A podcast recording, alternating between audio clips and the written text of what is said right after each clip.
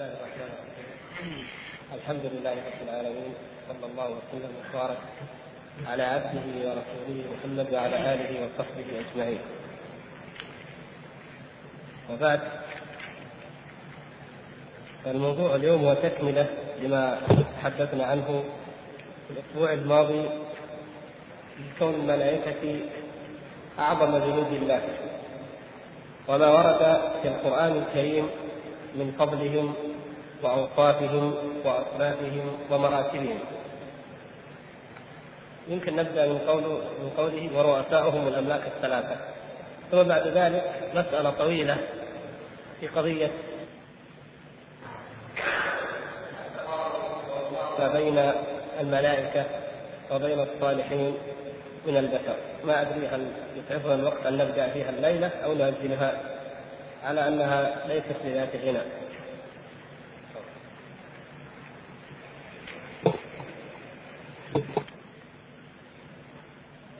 هم الأملاك الثلاثة جبرائيل وميكائيل وإسرافيل الموكلون بالحياة فجبرائيل موكل بالوحي الذي به حياة القلوب والأرواح وميكائيل موكل بالقطر الذي به حياة الأرض والنبات والحيوان وإسرافيل موكل بالنفس في الصور الذي به حياة الخلق بعد مماتهم فهم رسول الله في خلقه وأمره وسفرائه بينه وبين عباده ينزلون الأمر من عنده في أقطار العالم ويصعدون إليه بالأمر. قد أطت السماوات بهم وحق لها أن تئط ما فيها موضع أربع أصابع إلا وملك قائم أو راكع أو ساجد لله. ويدخل البيت المعمور منهم كل يوم سبعون ألف, ملأ سبعون ألف. لا يعودون إليه آخر ما عليهم. والقرآن مملوء بذكر الملائكة وأصنافهم ومراتبهم فتارة يقرأ الله تعالى اسمه باسمهم وصلاته بصلاتهم ويضيفهم إليه في مواضع التشريف. وتارة يذكر حفهم بالعرش وحملهم له ومراتبهم من الدنو وتارة يصفهم بالإكرام والكرم والتقريب والعلو والطهارة والقوة والإخلاص. قال تعالى كل آمن بالله وملائكته وكتبه ورسله وقال شهد الله أنه لا إله إلا هو والملائكة وأولو العلم وقال تعالى هو الذي يصلي عليكم وملائكته ليخرجكم من الظلمات إلى النور وقال الذين يحملون العرش ومن حوله يسبحون بحمد ربهم ويؤمنون به ويستغفرون للذين آمنوا وقال تعالى وترى الملائكة حافين من حول العرش يسبحون بحمد ربهم. وقال بل عباد مكرمون. وقال إن الذين عند ربك لا يستكبرون عن عبادته ويسبحونه وله يسجدون. وقال تعالى فإن استكبروا فالذين عند ربك يسبحون له بالليل والنهار وهم لا يسأمون. وقال تعالى كراما كاتبين. وقال تعالى كرام بررة وقال تعالى يشهده المقربون وقال تعالى لا يستمعون إلى الملأ الأعلى وكذلك الأحاديث النبوية رافعة بذكرهم فلهذا كان الإيمان بالملائكة أحد الأصول الخمسة التي هي أركان الإيمان. طيب يكفي موضوع المقابلة ما وقد تحدثنا الأسبوع الماضي عن مقدمة هذا الكلام. الحكمة في أن رؤساء الملائكة الثلاثة كل منهم موكل بأمر من أمور الحياة. فجبريل عليه السلام موكل بأعظم أنواع الحياة وهي حياة القلوب وهي الوحي إنزال الوحي الذي به تحيا القلوب بعد الكفر. وبعد القسوة والغلظة تحيا بإذن الله. بهذا النور المبين وبهذا الروح كما سماه الله تبارك وتعالى وكذلك أوحينا إليك روحا من أمرنا. هذا فهو روح وهو حياة وهو شفاء وهو هدى وهو نور وهو موعظة. إلى آخر ما ذكر الله سبحانه وتعالى في وصف هذا الذكر الحكيم وجبريل عليه السلام يتنزل به وهو الذي جعله الله تبارك وتعالى سفيرا بينه وبين خلقه وينزل إليهم بمادة الحياة العظمى وهي الوحي لحياة قلوبهم. قال وميكائيل موكل بالقطر الذي به حياة الأرض والنبات والحيوان. فما يحتاجه الناس في حياتهم المادية وكل الله تبارك وتعالى به الملك العظيم الثاني وهو ميكائيل الذي ورد أيضا ذكره في كتاب الله عز وجل مقرونا بجبريل عليهما السلام. وهذا الحياة المادية النبات والحيوان والقطر وما أشبه ذلك. وإسرافيل وهو الملك العظيم الثالث الذي جعله الله سبحانه وتعالى موكلا بذلك الحدث العظيم الذي ليس قبله ولا بعده أعظم منه. وهو النفخ في الصور. فإذا نفخ في الصور فتكون النفخة النفختين أو الثلاث على ما ورد في تفسيرها. وبذلك تكون نفخة الحياة. فالمقصود هنا من الحياة هو نفخة الحياة التي بعد الموت التي يكون الناس بعدها قياما ينظرون. ثم نفخ فيه أخرى فإذا هم قيام ينظرون. النفخة الأخرى وليست نفخة الصعق أو الفزع أو على القول الثاني أن نفخة الفزع التي هي نفخة هذه النفخة الثانية التي يخرج الناس بعدها من قبورهم إلى الله سبحانه وتعالى وإلى موقف الحساب. فالشاهد أن الشارح رحمه الله أخذ هذا الكلام ونقله على أساس أن الحياة أعظم أنواع الحياة وأهمها وكل وكل الله تعالى بها أعظم وأهم أو وكل بها رؤساء الملائكة الكرام. ثم ذكر أنهم رسل الله بخلقه وأمره وسفراؤه بينه وبين عباده ينزلون الأمر من عنده في أقطار العالم ويصعدون إليه بالأمر. ينزلون بأمره وكذلك يصعدون إليه بالأمر. فهذا شأنهم وهذا عملهم. ومن كثرة عددهم ذكر هذا قوله قد قد أطت السماوات بهم وحق لها أن تئط ما فيها موضع أربع أصابع. وفي الرواية ذكرها الحافظ ابن كثير رحمه الله عن ابن عساكر في تفسيره سورة الصافات. وإنا لنحن الصافون. قال ما فيها موضع قدم. إلا وملك قائم أو راكع أو ساجد لله سبحانه وتعالى. وهذا دليل على كثرتهم على كثرة الملائكة وعلى استغناء الله سبحانه وتعالى. عن عبادة المخلوقين فإنه عز وجل مع كمال غناه عن عبادة أحد أيا كان فإن لديه هؤلاء العباد المكرمون الذين من كان لديه مثلهم فهو في غنى عن غيرهم. فالله سبحانه وتعالى في غنى عن عبادة الثقلين بعبادة هؤلاء بل بعبادة كل شيء كما ذكر الله سبحانه وتعالى أن أنه تسبح له السماوات السبع والأرض ومن فيهن وإن من شيء إلا يسبح بحمده. ولكن لا تفقهون تسبيحهم وأيضا ذكر ما ورد أيضا في آه، الملائكة الذين يطوفون بالبيت المعمور في السماء. البيت المعمور المحاذي أو الموازي للبيت المعمور في الأرض وهو الكعبة المشرفة.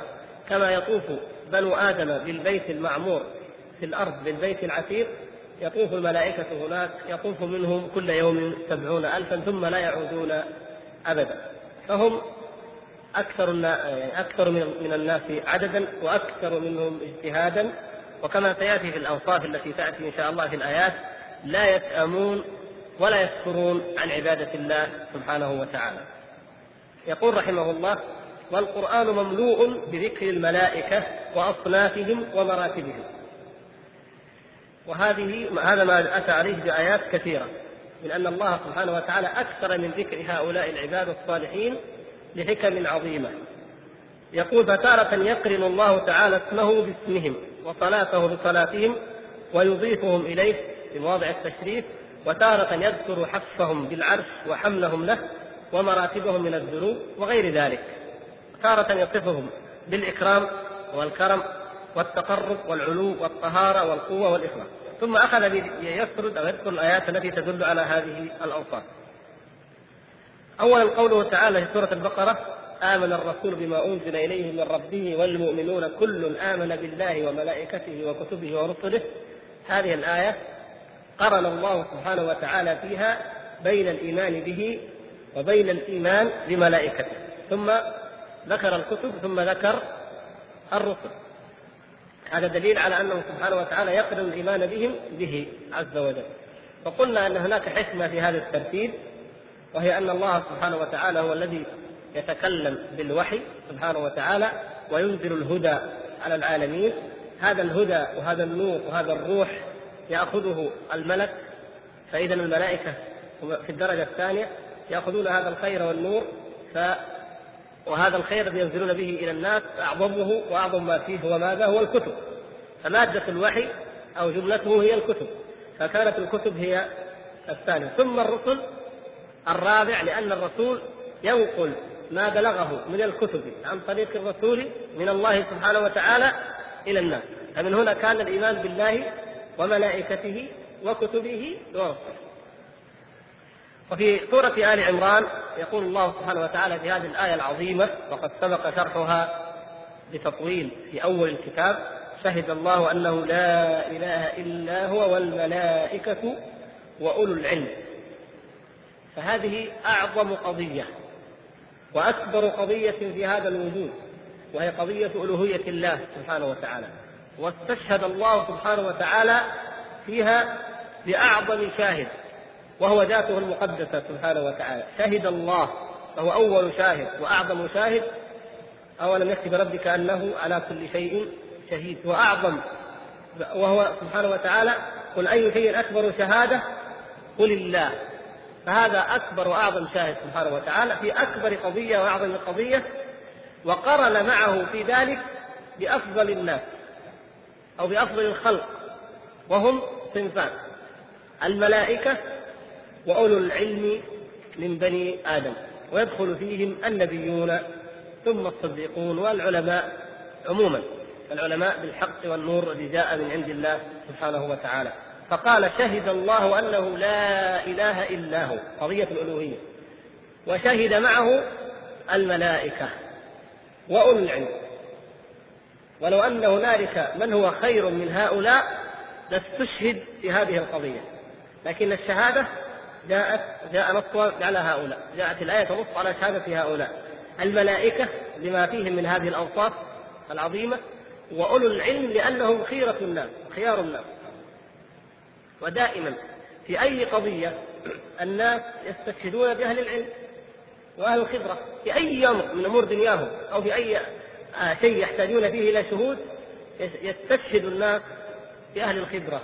وكلما كان الإنسان أو كلما كان الشاهد أكثر علما بالمشهود أو بالقضية المشهود عليها كلما كانت شهادته أوثق وأقوى. هذا أمر معلوم. ومن هنا كان استشهاد الله سبحانه وتعالى على ألوهيته ووحدانيته بأولي العلم لا بأولي السلطان ولا بأرباب الأموال ولا أصحاب الجاه والمنصب ولا غير ذلك وإنما بأهل الشأن العلماء الذين يعلمون حقائق هذا هذا الإيمان وحقائق هذا الدين وبهم تقوم الحجة على العالمين. كما سماهم الإمام القيم رحمه الله الموقعون عن رب العالمين. لأنهم الذين قالوا هذا حلال أو هذا حرام أخذ به الناس وكأنه مباشرة جاء من الله وإنما جاء من أخذ العلماء من كتاب الله ومن سنة رسول الله صلى الله عليه وسلم فهم مبلغون وموقعون عن الله سبحانه وتعالى. فهذا من دليل على فضل الملائكة وهو كذلك دليل على فضل أولي العلم. جعلنا الله وإياكم منهم. ثم قال سبحانه وتعالى آه هذا في في قوله وصلاته بصلاتهم. قال هو الذي يصلي عليكم وملائكته ليخرجكم من الظلمات إلى النور. فقرن صلاة الملائكة الكرام بصلاته عز وجل. هو الذي يصلي عليكم وملائكته. وأيضا نفهم نعلم من ذلك تشريف هذه هذا الخلق هؤلاء الكرام الذين عند الله سبحانه وتعالى في الملأ الأعلى وأنهم أن الله سبحانه وتعالى قرن صلاته على بني آدم على الصالحين المتقين بصلاة أولئك. ثم قال آه، في حملة العرش كما قال ويذكرهم تارة آه، يذكر حفهم بالعرش. أو حملهم له قال الذين يحملون العرش ومن حوله يسبحون بحمد ربهم ويؤمنون به ويستغفرون للذين آمنوا.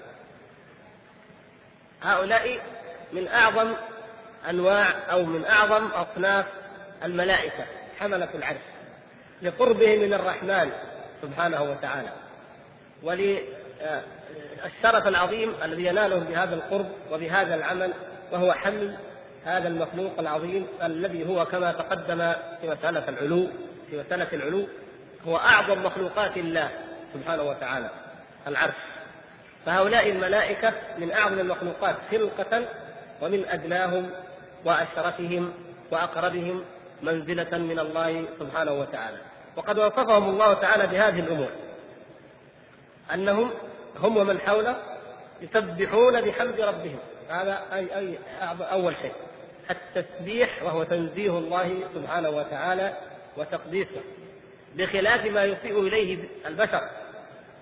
البشر يسيئون إلى الله سبحانه وتعالى الكفار يسيئون إلى الله سبحانه وتعالى يشتمون الله سبحانه وتعالى ويسبون الله سبحانه وتعالى بقولهم إن له صاحبة وبقولهم إن له ولدا وباعتراضهم على أحكامه وباعتراضهم على أوامره. وبعصيانهم لها وهكذا. أما هؤلاء فهم بالعكس يسبحون الله سبحانه وتعالى وينزهونه كما يليق بجلاله سبحانه وتعالى. وهذا المعنى الأول وفضل التسبيح عظيم كما تعلمون. ويكفي أن نعلم أن من قال سبحان الله وبحمده في يوم مئة مرة غفرت له ذنوبه وإن كانت مثل زبد البحر. سبحان الله وبحمده. هذه الكلمة العظيمة التي يستطيع كل إنسان أن يقولها. وإن قال سبحان الله وبحمده سبحان الله العظيم معها فقد ورد أيضا حديث صحيح فيها. وإن أضاف الكلمات الأربع جعل الكلمات الأربع التي هي أفضل الكلام بعد القرآن وإن من القرآن سبحان الله والحمد لله ولا إله إلا الله والله أكبر على صفات صحيحة معلومة وردت في الكتب في كتب الأذكار الصحيحة فهو قد استكمل يكون ذلك قد استكمل الخير كله إن شاء الله. والشاهد أن التسبيح من أعظم أنواع الذكر بل هو أشرفه بدليل أن الملائكة تقوله. نعم. فليس أشرف من مجرد التسبيح إلا قراءة القرآن. لا شك أن قراءة القرآن أفضل أنواع الذكر. لكن بحسب الأحوال يعني بحسب الأحوال قد يكون المفضول أحيانا خيرا من الفاضل كما في الركوع أو في السجود فإن الإنسان لا يقرأ القرآن وإنما يسبح الله سبحانه وتعالى أو يدعوه وهكذا في مثل ذلك من المواضع. فهؤلاء اختصهم الله سبحانه وتعالى بأشرف أنواع الذكر الذي هو التسبيح. قال ويؤمنون به ويؤمنون به. وفي هذا دليل على أهمية الإيمان بالله سبحانه وتعالى. لا شك أن المؤمنين يؤمنون بالله والملائكة يؤمنون بالله لكن يسبحون به ويؤمنون به. لنعلم أهمية الإيمان فلا ننساه وأن كل عمل كالإيمان سابق له والإيمان شرط فيه. فالإيمان قبل الأعمال ومع الأعمال وبعد الأعمال لا بد من الإيمان. فإن عملت الأعمال قبل الإيمان لم تنفع صاحبها. وإن عملت أو أعقبها فقدان الإيمان أو في أثناء العمل أو بعده فقد الإيمان فلا قيمة للأعمال أبدا. ومن هنا نعلم أيضا أهمية الإيمان. ثم قال ويستغفرون للذين آمنوا. هؤلاء يستغفرون للذين آمنوا. ويكفي المؤمن شعورا وإحساسا بالطمأنينة وإحساسا بأن الله سبحانه وتعالى يحب المؤمنين وأن المؤمن محبوب محب في الملأ الأعلى والأدنى. أن يشعر بأن الله سبحانه وتعالى يحبه وأن ملائكة الله تحبه وأنها تستغفر له. إذ هي هنالك لا تقارف الذنوب ولا ترتكب المعاصي ولكن تصعد الملائكة المتعاقبون تصعد إلى الله سبحانه وتعالى بأعمال وخطايا وذنوب من العالم السفلي. فهنالك يأتي أولئك الأطهار الأخيار الأبرار المقربون ويستغفرون للذين آمنوا. فيشعرون بهذه العلاقة وهذه المحبة هذه الرابطة بينهم وبين المؤمنين. ومن هنا هذا يدفع المؤمنين إلى أن لا يعصوا الله سبحانه وتعالى.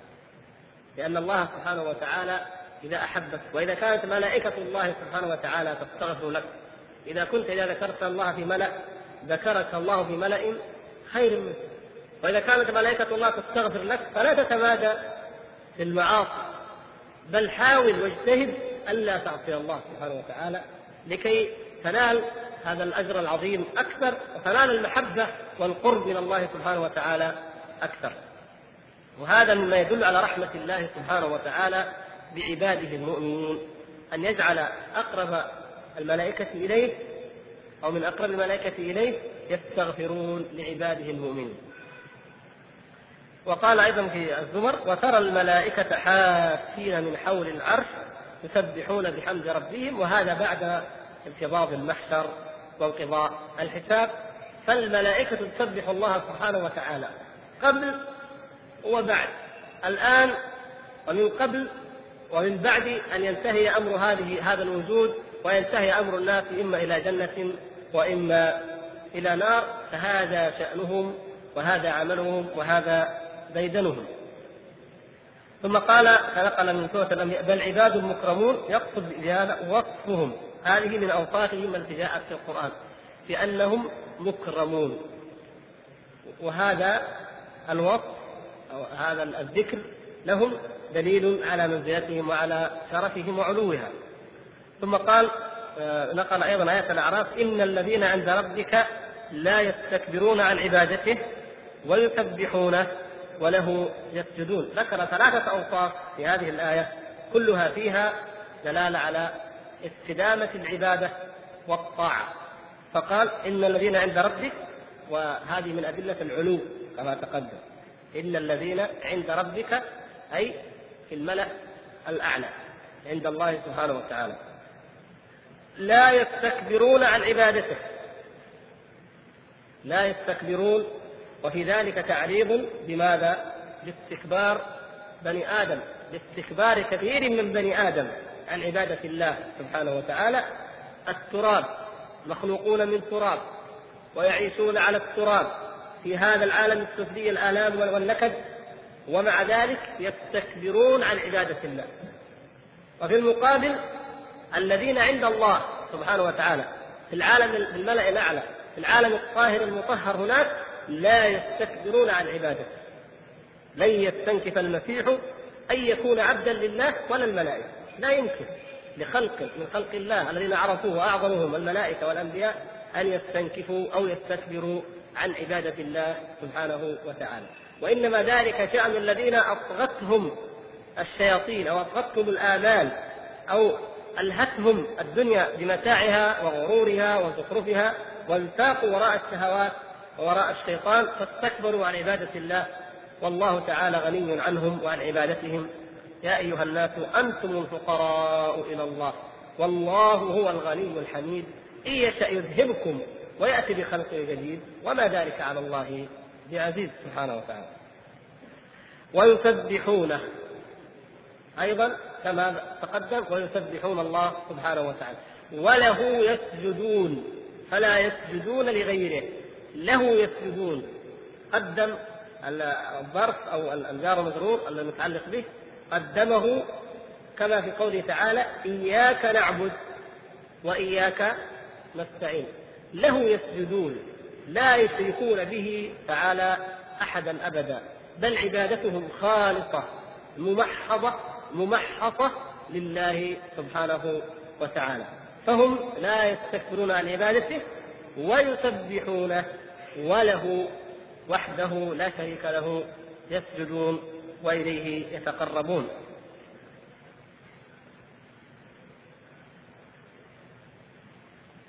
كما في قوله تعالى في سورة الإسراء أولئك الذين يدعون يبتغون إلى ربهم الوسيلة أيهم أقرب ويرجون رحمته ويخافون عذابه. إن عذاب ربك كان محذورا.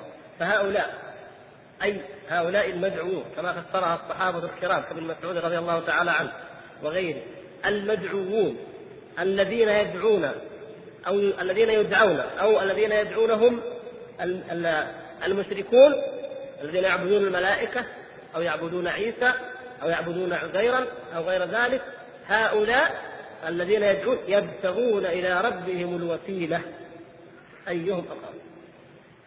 حريصون على القرب من الله سبحانه وتعالى أكثر فأكثر. ومن هنا نعرف معنى الوسيلة الشرعي لأن عباد القبور وعباد الأولياء والمشركون من الروافض والصوفية وأمثالهم يجعلون الوسيلة هي الوسائط والشفعاء. يقول هم الأئمة أو هم الأولياء. يعني البشر المعبودون من دون الله سبحانه وتعالى هم عندهم الوسيلة. لكن هنا الله سبحانه وتعالى يذكر أن هؤلاء المقربين أو هؤلاء المدعوين المعبودين من الملائكة والرسل هؤلاء يبتغون إلى ربهم الوسيلة. إذا يبتغون إلى الله أو يتخذون إلى الله سبحانه وتعالى الوسيلة وهي ما يتوسل به أي يتوصل به. التقارب اللفظي في اللغة العربية دائما التقارب اللفظي دليل على التقارب المعنوي. إذا تقارب اللفظان فذلك دليل على أو اتحاد المخارج أو تقاربها يدل على التقارب المعنى. فلذلك هؤلاء يبحثون أو يتخذون أو يبتغون ويطلبون ما يتوصلون به إلى الله سبحانه وتعالى. يبتغون إلى ربهم الوسيلة أيهم أقرب؟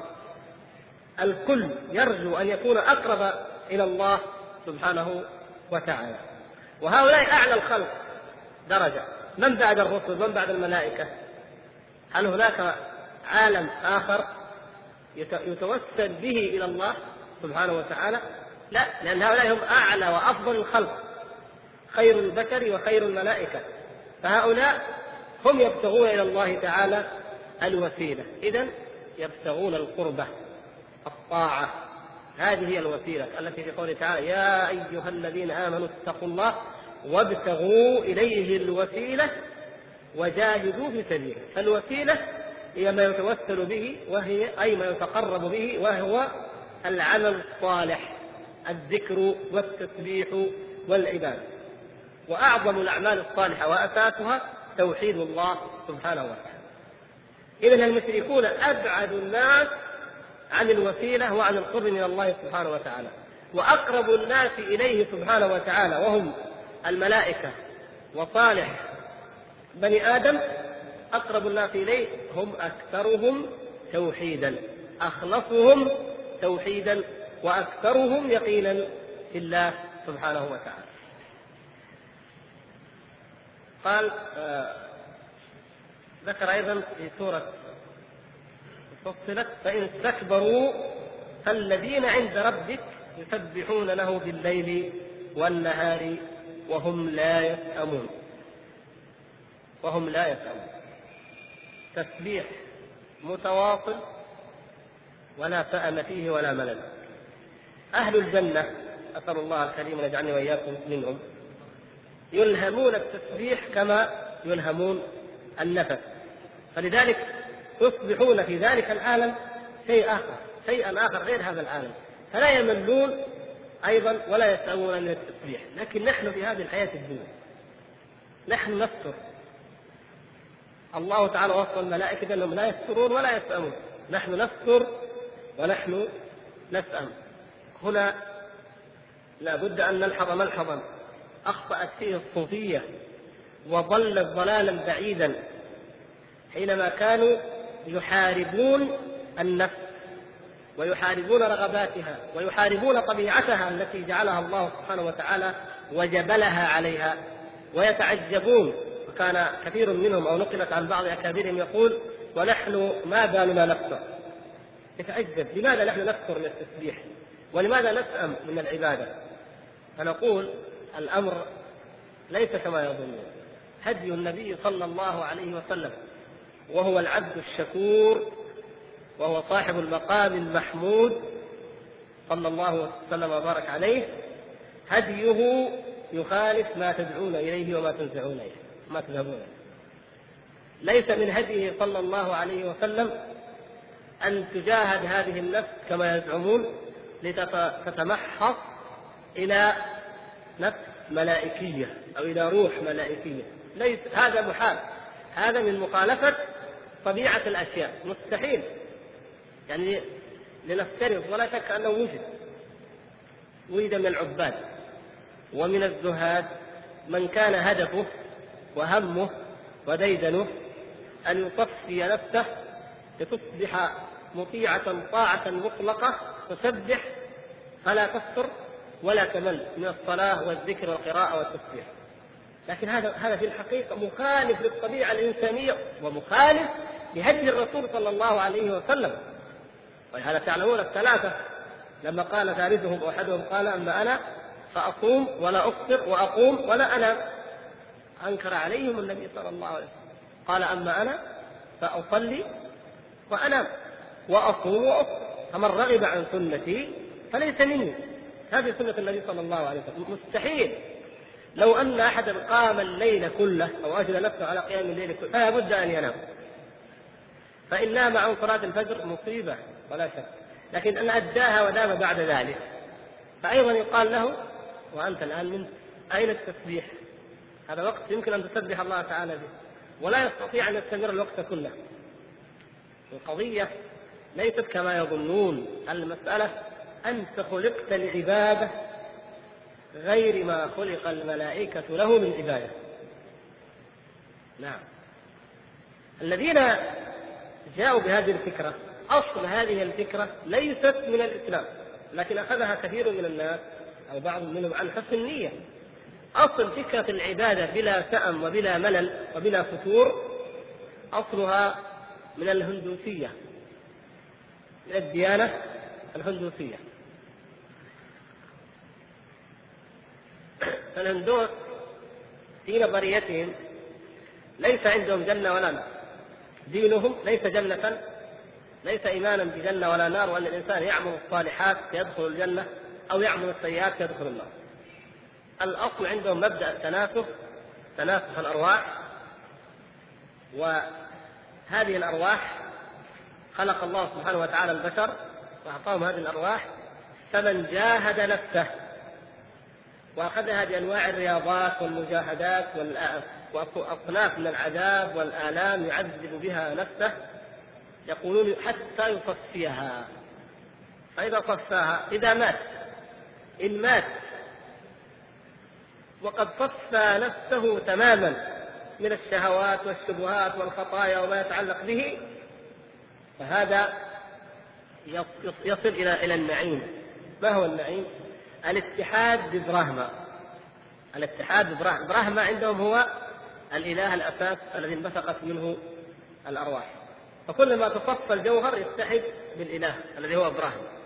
وهذا اللي سمته الصوفية الفناء أو المحو وبعضهم صرح به وسماه الاتحاد الاتحادية وأشباههم من الذين خرجوا عن الإسلام وارتدوا عنه بالكلية.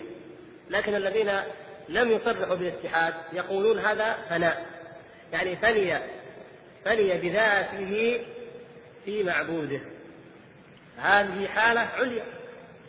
ويجب أن يصل إليها الناس حتى يصبح الإنسان ناطقا بلسان الحق كما يقولون تعالى الله عما يقولون علوا كبيرا. فإذا تكلم المتكلم ليس هو وإنما هو الله. يصبح يخيل له أنه أصبح هو في ذاته هو الله ويتكلم عن الله. كما قال قائلهم أصبحت منفعلا لما تختاره مني ففعلي كله طاعات. وأنا ما أنا ما لي إرادة. أنا ما أدري فعل. يعني جاهد نفسه وصفاها ومحصها كما يزعمون حتى أصبحت أعماله كلها انفعال لقدرة الله ولفعل الله. فيقول اصبحت منفعلا لهذا لما تريده. ففعلي كله طاعات. ليس لي أي رد فإن عصى وإن ترك الصلاة إن ترك الجمعة إن ترك الجماعة إن فعل ما فعل فهذا لا مؤاخذة عليه لأنه شهد الحقيقة الكونية كما يزعمون فاصبحت أصبحت أفعاله كلها طاعات فاصلها هذا هذا هذا الكفر الصراح اصله هذه الفكرة الخطيرة الخبيثه المنقولة عن أولئك الهندوس ومن ذلك نشأ ما يسمى عندهم بالشطحات. نسأل الله العفو والعافية. وهو الكلام الكفري الذي يقال الذي يردونه أو يقولونه في حال السكر أو في حال المحو والفناء. الله سبحانه وتعالى نقول خلق الإنسان وأراد منه عبادة غير العبادة التي يظن أولئك. ليست هي تلك. هو أنشأكم من الأرض واستعمركم فيها. استعمر الإنسان. إني جاعل في الأرض خليفة. الإنسان يجب عليه أن يعلم لماذا وجد في هذه الأرض. والحكمة والأساس من خلقه ومن وجوده في هذه الأرض. فلم يخلق فيها ليكون ملكا. لم تركب طبيعته ليكون ملكا. يسبح ويعبد ولا يكفر أبدا. وإنما ليعبد الله سبحانه وتعالى كما أنزل الله تعالى له وكما شرع. فلم يأتي وإن من قرية إلا خلا فيها. نذير. لم يأتي أمة أو لم يأتي زمن إلا وبعث الله تعالى فيهم رسولا أو لديهم بقية من آثار الأنبياء. فعلى هذه الآثار على هذا الوحي نقتدي ونهتدي ونتك إذا نحن البشر نعبد الله ونحن نأكل ما أحل الله من الطيبات. ولو حرمنا شيئا مما أحل الله تعالى لنا لوقعنا في الشرك. كما في حديث عياض بن حمار في صحيح مسلم وإني خلقت عبادي حنفاء فاجتنتهم الشياطين وحرمت عليهم ما أحللت لهم. إذا تحريم أي شيء. يعني بهذه المناسبة أنا ما كنت يعني أقصد هذا لكن بس حتى حتى لا أنسى لعلاقته بالقضية. عندنا هنا آه، مجلة مجلة للأطفال اسمها مجلة ماجد. مجلة ماجد مشهورة في المكتبات. هذه فيها أحد الإخوان الدرس الماضي أعطاني هذا العدد. العدد هذا فيه إيش؟ تجربة غذائية أبو الظرفاء وفي نفس الوقت أحد الإخوان أعطاني كتاب غاندي. لعله كتاب عن غاندي. تعجبت لما قرأت الكتاب وقرأت ما في هذا دعوة إلى الهندوسية في بلاد الإسلام وأطفال المسلمين يقرؤونها. انظروا هذا الموضوع. هذا الموضوع يقول فيه الرجل أو يقول فيه المعلم بهذا هذا المعلم كما ترون لحيته كيف لحية طويلة كثيفة جدا وعمة هذا معلم هندوسي يعلم الرجل كيف يكون روحانيا. وهذه يا إخوان من الأمور التي يجب أن تتفطنوا لها. السحرة في كل مكان وكثير منهم حتى هنا الذين يذهبون إليهم. يقول له اجتنبوا أكل ذات الأرواح. وإذا أراد أن يعلم أحد من طلابه السحر يقول له أول ما تبدأ تتعلم السحر لا تأكل أي شيء فيه روح. على أي شيء يقتات الهنود العباد منهم يعني يقتاتون بالنبات فقط. تذكرون أحد الشعراء الذين كان الذي كان على مذهبهم؟ أيوه. أيوه أبو العلاء نعم. أبو العلاء كان كذلك. أبو العلاء جاءوه بدجاجة وهو على فراش المرض. قالوا هذه دجاجة لعلك يعني تشرب فقال استضعفوك فأكلوك. استضعفوك فأكلوك. هلا أكلوا شبل الأسد؟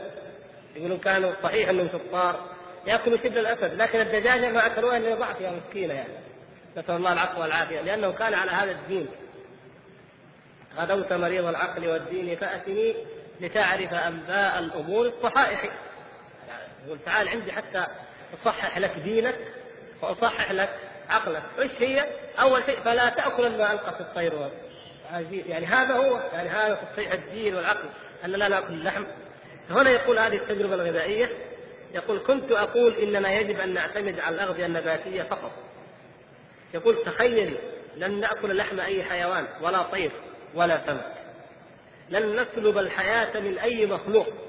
سوف نشعر بالسمو الروحي عندما نعتمد فقط على هذه النباتات. دعوة هندوسية صريحة. نعم يعني الطفل المسلم لما يقرأ الكلام يقول إذا أنا لو, لو أني تركت الدجاج واللحم وأكلت الجزر وحط جزر وقتة وخيار كذا يعني أصلا عندي سمو روحي. أما لحم الغنم يورث إيش؟ البلادة الروحية. هذه هذه هذه عقائد ترسخ في أذهان الأطفال. يعني هذا نموذج القصة إلى آخره تتحدث عن هذا الشيء وكذلك كتاب غاندي كتاب خطير جدا. لو قرأه أي طفل لأعجب بغاندي أكثر من إعجابه بأي شخصية من شخصيات الإسلام. نسأل الله العافية. بل إن سيرة النبي صلى الله عليه وسلم بكل صراحة وبكل مرارة سيرة النبي صلى الله عليه وسلم التي تقرر في السنة الرابعة أو خامسة ابتدائي تعرض عرضا باهتا باردا مولده نسبه زواجه يوم بدر يوم أحد قتل كذا قتل هنا سبعين هنا قتل 23 فتح مكة وفات. ولا ما فيها شيء. لكن لو لو تقرؤون هذا الكتاب وقلت أجيب لك ما في داعي ضيعت الوقت فيه يصور غاندي الزعيم الذي ضحى من أجل الإنسانية جمعاء ضحى من أجل السلام رسول المحبة. يقول هو نبي ولكن لم ترسله السماء. نبي الرحمة نبي المحبة نبي الإحسان الذي مات دفع روحه ثمنا للتقارب مع المسلمين. وكلام لا يمكن لأي قارئ يقرأه. إلا أن يعجب به ما لم يكن لديه الإيمان بأن هذا كان. نقول هذه هذه مشكلة. يعني سرت روح الهندوسية وتشربت في المسلمين. ومن قديم جاء أولئك الزنادقة منهم فأدخلوا في روع المسلمين وفي آه، قلوبهم أن في إمكانك أن تعبد بلا فتور وبلا سآمة وبلا ملل إن استطعت أو حاولت أو جاهدت أن تصفي نفسك. فنقول نوضح هذه القضية يا إخوان. لا ليس الأمر كذلك.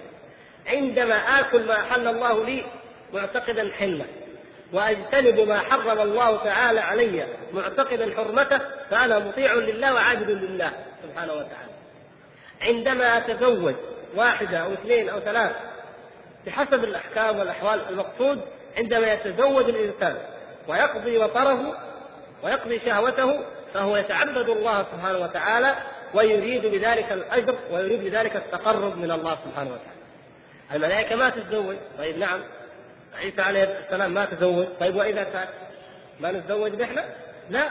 نتزوج ونتقرب إلى الله تعالى بالزواج. بل نتقرب إلى الله تعالى بقضاء الوطر أيأتي أحدنا شهوته ويكون له أجر؟ قال أرأيتم لو وضعها في حرام؟ فكان عليه وزر. فكذلك إذا وضعها في حلال كان له أجر. نوع من العبادة لا يمكن أن يظفر به إلا من عرف هذا الدين من اتبع الملة الحنيفية السمحة التي جاء بها محمد صلى الله عليه وسلم. أما الهندوس وأما رهبان اليهود السابقين ثم رهبان النصارى وإلى اليوم ما يزالون فقد عذبوا أنفسهم وحرموا عليها الزواج وحرموا عليها الطيبات من أجل هذه هذا الزعم الكاذب لكي يصبحوا كالملائكة وهذا محال. هذا مستحيل ولا يمكن أن يكون ومخالف لشرع الله ودينه كما أنه مخالف لما جبل الله تعالى عليه النفوس وخلقها عليه. اذا المؤمن عندما يعبد عندما يستقيم على شرع الله فإنه يعبد الله سبحانه وتعالى كما أراد الله وبذلك تكون عبادته. فعبادتنا غير عبادة الملائكة وعبادة الملائكة غير عبادته الملائكة لم تركب فيها الشهوات ولهذا لم تكن موضع ابتلاء. الملائكة ليست موضع ابتلاء. أما نحن ليبلوكم أيكم أحسن عملا. خلق الموت والحياة ليبلوكم أيكم أحسن عملا. نحن في موضع ابتلاء. إلا هديناه السبيل. إما شاكرا وإما كفورا. نحن موضع ابتلاء. يا نقول إيه كذا. لكن الملائكة الكرام لا. عباد مكرمون مصطفون مطهرون يسبحون الليل والنهار لا يفترون ولا يسأمون هذا هذا وضع آخر تماما. ومن المحال أن يصبحوا مثلنا أو أن نصبح نحن مثلهم. فكل له عبادته وكل قد اختصه الله سبحانه وتعالى بأمر غير الآخر. ولهذا نقول إن أعظم عبادة لله سبحانه وتعالى وتحقيق العبادة بأعلى درجاتها هو في اتباع سنة النبي صلى الله عليه وسلم. هذه هي هذا الطريق الوحيد. وكل الطرق مسدودة على الخلق كلهم. لا توصل إلى الله سبحانه وتعالى إلا طريق محمد صلى الله عليه وسلم. فمن رغب عن سنتي فليس مني. من رغب عن منهجه صلى الله عليه وسلم في حياته في عبادته في كل أمر من أموره فليس من هذا الأمر في شيء. بل هو على راس أو على شفا هار أخي على طريق الحق. هنا منتصف الشريف. وما أدراك ما عليون كتاب مرقوم يشهده المقرب. يشهده المقربون من المقربون هنا؟ الملائكة أيضا. فهم ملائكة مقربون مصطفون. فمن أوصافهم أيضا أنهم مقررون وهذا هو الشاهد من ذكر الآية هنا. ثم قال لا يستمعون إلى الملأ الأعلى. الصافات. سورة الصافات. قال تعالى لا يستمعون. من هو من هم الذين لا يستمعون؟ شياطين. وحفظا من كل شيطان مارد. لا يستمعون إلى الملأ الأعلى ويقذفون من كل جانب دحورا. ولهم عذاب اذا الملأ الأعلى من هم؟ الملائكة. الملأ الأعلى هم الملائكة. بدليل أن الاستماع إنما يكون يكون منهم هم الذين يكون منهم. لأن الله سبحانه وتعالى إذا تكلم بالأمر أو الوحي فيخر كل من في السماوات والأرض يصعق من في السماوات العالم الأعلى عفوا يصعق سيكون أول من يفيق ويرفع رأسه جبريل عليه السلام. فيتلقى الأمر من الله سبحانه وتعالى ثم يأتي وكلما مر على ملأ من الملائكة قالوا ماذا قال ربكم؟ قالوا الحق وهو العلي الكبير. حتى تتناقل الملائكة ما أمر به سبحانه وتعالى وهو حق يسلمون أنه حق ايا كان. إلى ملائكة السماء الدنيا أو الملائكة الطوافون الذين ما بين السماء والأرض. فتصعد الملائكة هذه في العنان أي في السحاب تصعد الشياطين إلى هنالك لتسترق السمع. فتستمع من هذا الملأ الأعلى. ماذا قال؟ قضى الله تعالى بموت فلان. بحياة فلان بوقوع كذا. فيأتي هذا الشيطان فينزل به إلى وليه من الإنس. ربنا استمتع بعضنا ببعض وبلغنا أجلنا الذي أجلت لنا هذا يسجد له ويذبح له في الأرض وذاك يأتيه بالأخبار التي يسترقها من الملأ الأعلى الذين هم الملائكة. فيأتي يأتي بالخبر ويبلغه إلى وليه. قبل بعثة النبي صلى الله عليه وسلم هذا من حكمة الله عز وجل كانت الكهانة منتشرة رائجة جدا. وكان هؤلاء الكهان لهم أولئك الشياطين الأولياء يستمعون إلى الملأ الأعلى. فلما بعث الله نبيه محمد صلى الله عليه وسلم كما أخبر عن ذلك في سورة الجن وهنا في الصافات وغيرها لما بعثه وجد هؤلاء الشياطين أنهم إذا أرادوا أن يستمعوا الملا الأعلى تقذفهم في شيء جديد. ولذلك قالوا إنا لا ندري أشر أريد بمن في الأرض أم أراد بهم ربهم رشدا. شيء جديد. مسألة مو معقول. ما التغير الذي حصل. ولهذا أخذوا يطوفون. لا بد أن شيئا ما حدث. ما الذي تغير؟ هذه الكواكب تقذفنا من كل جهة من كل مكان. فيهربون ولم يعد يستطيعوا أن يسمعوا. إيش اللي جاء؟ إيش الملأ العلوي فيه شيء، الملأ السفلي فيه شيء جديد، ما هو؟ فأخذوا يطوفون، فلما فلما سمعوا القرآن وأنصتوا له علموا أن هذا هو الجن إنا سمعنا قرآنا عجبا. سبحان الله الجن من مرة واحدة تأثر. أو قل منهم من تأثر مرة واحدة يعني. كيف قلوب الناس؟ وهم يسمعون كلام الله سبحانه وتعالى. فعلموا حينئذ أنه من يستمع الآن يجد له شهابا رصدا هنا العبره أن الوحي قد نزل وحي محفوظ من الله سبحانه وتعالى. فلا تستطيع الشياطين أن تسترق السمع ولا يأتي أحد من قريش ويقول هذا من وحي الشياطين. ومع ذلك قالوه قالوه نعم يعني الكفار كفرهم لا يردعهم عن أي شيء نسأل الله العافية. فيقولون ويفترون ومن جملة ما يفترون أن هذا الوحي من الشياطين. كيف؟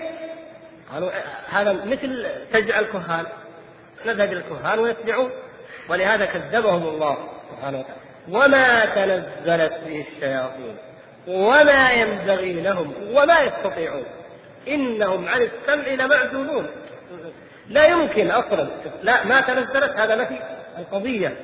ما تنزلت به الشيء وما ينبغي لهم ليس من شأنهم أبدا. ليس من طبعهم ولا من شأنهم لأن ما ينبغي معناها ليس من شأنه ولا من, من, من أمره. وما يستطيعون لو حاولوا إنهم عن السمع لمعزول. فهذه هي القضية. يعني هناك قضيتان في هذا الوحي العظيم الذي جعل الله سبحانه وتعالى الملائكة تتلقاه وتؤمن به. ويأتي به كبيرهم جبريل إلى محمد صلى الله عليه وسلم. هاتان أعظم الشبهات. شبهة أنه صلى الله عليه وسلم كاهن والشبهة الأخرى أنه شاعر. طبعا قالوا أنه ساحر ساحر وكاهن شيء واحد لكن قالوا الثالثة أنه مجنون. هذا قول أنه مجنون ما يحتاج إلى نناقش أصلا. أبدا ما أنت بتردد بمجنون ولا بكاهن ولا مجنون ابدا يعني شيء أي واحد لا يمكن يصدق. ولذلك القضية قضية المجنون تستبعد من النقاش أصلا. تبقى المسألة إما أنه تنزلت به الشياطين عليه أو أنه شاعر ثم جاءوا بإفك آخر وقالوا إن ما يعلمه بشر. يعني إذا إذا نحن عندنا هذا أحد الشيء هذا القرآن يخالف ما عليه الناس فإما أن يكون هذا القرآن قول كاهن. وإما أن يكون قول شاعر يعني هو شاعر جابه من عنده وإما أن يكون بشر آخر علمه غير كذا ما في احتمال. إلا الرابع الذي يقوله الرسول صلى الله عليه وسلم وهو أن هذا من عند الله سبحانه وتعالى وأنه لا يعلم الغيب ولا ولم يستعله من من عند نفسه وأنه ما كان يتلو من قبله من كتاب ولا كان يخطه بيمينه ولكنهم لا يصدقون ولا ويعرضون. فلذلك رد الله سبحانه وتعالى عليها على هذه الشبهات وعلى هذه الأباطيل. فأما الشياطين فالشياطين أنفسهم قالوا نحن عزلنا عن الملأ الأعلى ما عاد نستطيع بقي شيء واحد فقط الفتنة الابتلاء أن يسمع الكلمة فيلقيها إلى الإنسي قبل أن يدركه الشهاد فتنة من الله. فيأتي وليه من الإنس فيخلط معها مئة كذبة ويبثها. فإذا تذاكر الناس في كذباته التسعة والتسعين. جاء الشيطان يذكرهم بتلك المرة الواحدة التي وقعت صحيحة. فلذلك يستمرون في إضلال بني آدم نسأل الله العافية ويفتتن به الناس والاحتمال الآخر أنه شاعر ولهذا قال تعالى في نفس الموضع من آخر سورة الشعراء والشعراء يتبعهم الغاوون ألم ترى أنهم في كل واد يهيمون وأنهم يقولون ما لا يفعلون. فليست صفات النبي صلى الله عليه وسلم بصفات الشعراء وما علمناه الشعر وما ينبغي له وما ينبغي له ليس من شأنه ولا من طبعه أبدا أن يكون شاعرا صلى الله عليه وسلم. الشعراء يتبعهم الغاوون معروف عند العرب جميعا. أين يوجد الشعراء؟ في عكاظ في عكاظ في سوق عكاظ في مجلة. في ذي المجاز مثلا. ماذا يكون هناك؟ رايات البغايا. ترفع رايات البغايا في أسواق العرب ويكون الشعراء ياتون ماذا يقول الشعراء؟ ماذا إلى أي شيء يهدي الشعراء؟ معروف شيء بدهي عند العرب. هذا هذا شعر العرب بين أيديكم. شاعر الشعراء أمير الشعراء رئيس الشعراء امرؤ القيس ماذا يقول؟ ويوم دخلتم خدر خدر انيزه سبحان الله. هذا يقول هذا يعني كلام يقول واحد هاجم ولا يقول إنسان؟ يترفع عنه العقلاء. مثل هذه الأمور والتفاسف والغزل والدخول على الحرائر وعلى المحصنات في حضورهن هذا كلام الشعراء. هل غادر الشعراء متردد عنترة إيش في عن؟ فوددت تقبيل السيوف لأنها لمعت كبارق تبارك المتبسم يعني حتى في المعركة وعنترة كل مزاج وكل زهره في في عدله لكن الأنبياء صلوات الله وسلامه عليهم أبعد الناس عن أن يكون تعلقهم بشهواتهم. برغباتهم وإن كانوا بشر لهم هذه الشهوات لكن تعلقهم بالله. وجعلت قرة عيني في الصلاة. أين من جعلت قرة عينه في الصلاة؟ وأين من جعل همه الناي والعود والمزمار؟ هذا هذا شيء وهذا شيء آخر تماما. وأنهم يقولون ما لا يفعلون. الله أكبر. هذا كل العرب يعرفونه. أن الشعراء دائما يفخرون بما لا يفعلون. يعني قفي إن سألت الناس عنا وعنهم فليس سواء عالم وجهول وإنا وإنا وإنا إنا لقوم أبت أخلاقنا شرفا كل كلام فاضي. أكثر مفاخر الشعراء كلام فاضي. كلام كذب. ومن أجبل الناس أصحاب القصائد الطويلة في الفخر بالشجاعة. ومن أبخل الناس الشعراء أصحاب المعلقات الطويلة في الكرم. شيء معروف. ولكن الرسل وخيرهم أيضا صلوات الله وسلامه عليه أبدا لا يقول ما لا يفعل. بل يصدق قوله فعله ويصدق فعله قوله. صلوات الله وسلامه عليه. والقضية الثالثة إنما يعلمه بشر. ولهذا رد الله تعالى عليهم بقوله لسان الذي يلحدون إليه أعجمي. وهذا لسان عربي مبين مسطورة بحيرة بحيرة الراهب المسطوري عجيب بحيرة؟ قالوا نعم. بحيرة الراهب. وجاء بعض المستشرقين اكتشفوا هذا الاكتشاف الفريد في القرن التاسع عشر. قالوا عرفنا مصدر القرآن. كيف؟ قالوا هذا بحيرة الراهب وجدنا في السيرة أن النبي صلى الله عليه وسلم مر به وهو ذاهب إلى التجارة في الشام ونام تحت شجرة وجاء بحيرة وقال هنا لا ينام هنا إلا نبي. خلاص هذا في السيرة. قالوا إذا هو الذي علمه. طيب سبحان الله. بحيرة الراهب إذا كان يقدر يجيب القرآن. ليش ما يكون الصحابة صحابته؟ ليش ما تكون الرسالة رسالته؟ ليش ما يكون الملك هذا ملكه؟ يهدم عرش كسرى وقيصر. هذا يروح يعطيها واحد أعرابي جاء شافه مرة واحدة. خذ يا ولد خذ هذا الكتاب. وخلك امام للناس وخلك سيد العالمين. ليش ما يبغاها بحيرة نفسه سبحان الله. لا يمكن ابدا. وبعدين هذا الكتاب الذي يعطيه هو ما في هو بحيرة كان يقرأ في الاناجيل ما اختلفنا. طيب. كان راهب النصوريين يقرأ في الاناجيل ما طيب. في الاناجيل هذا الرد على الاناجيل في الاناجيل هذا التكذيب لما في الاناجيل الموضوع.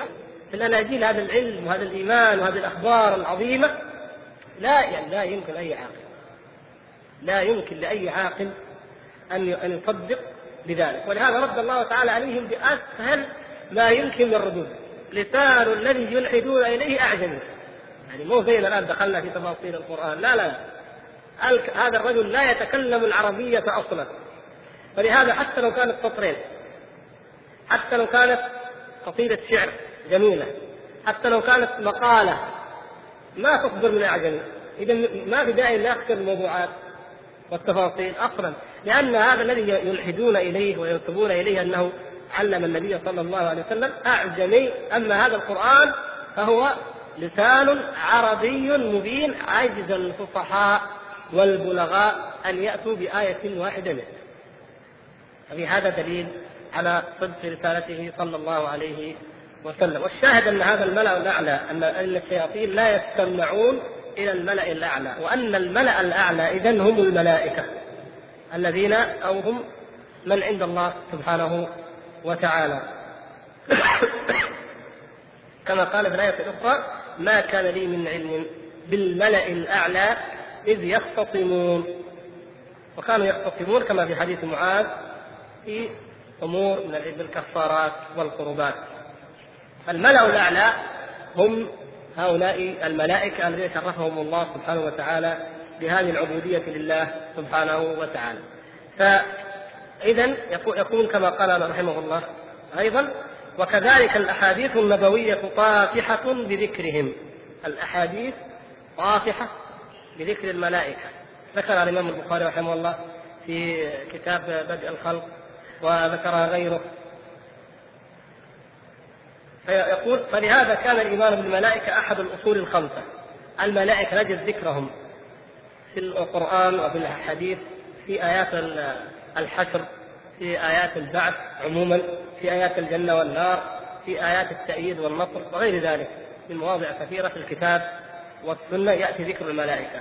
يقول فلذلك فلهذا كان الإيمان بالملائكة أحد الأصول الخمسة التي هي أركان الإيمان. أي فلهذا أي لما تقدم من أوصافهم وأصنافهم ومراتبهم ودنوهم وقربهم وإكرامهم وتسبيحهم وعبادتهم وما ذكر الله تعالى من أوصافهم العظيمة ومخالطتهم وعلاقتهم ببني آدم بهذا كله كان الإيمان بالملائكة أحد أركان الإسلام أو أحد الأصول الخمسة يعني أركان الإيمان الستة أو أصول الإسلام الخمسة التي يجب الإيمان بها. ومن كذب بها من كذب بالملائكة فقد كفر وكذب بالدين كله ولا يقبل له إيمان. بعد ذلك ينتقل إلى المفاضلة بين الملائكة وصالحي البشر وهي مسألة حقيقة يعني أطال فيها غفر الله لنا وله الشارح أكثر من عشر صفحات أو عشر من 275 بس الطابعة اللي عندي. إلى 284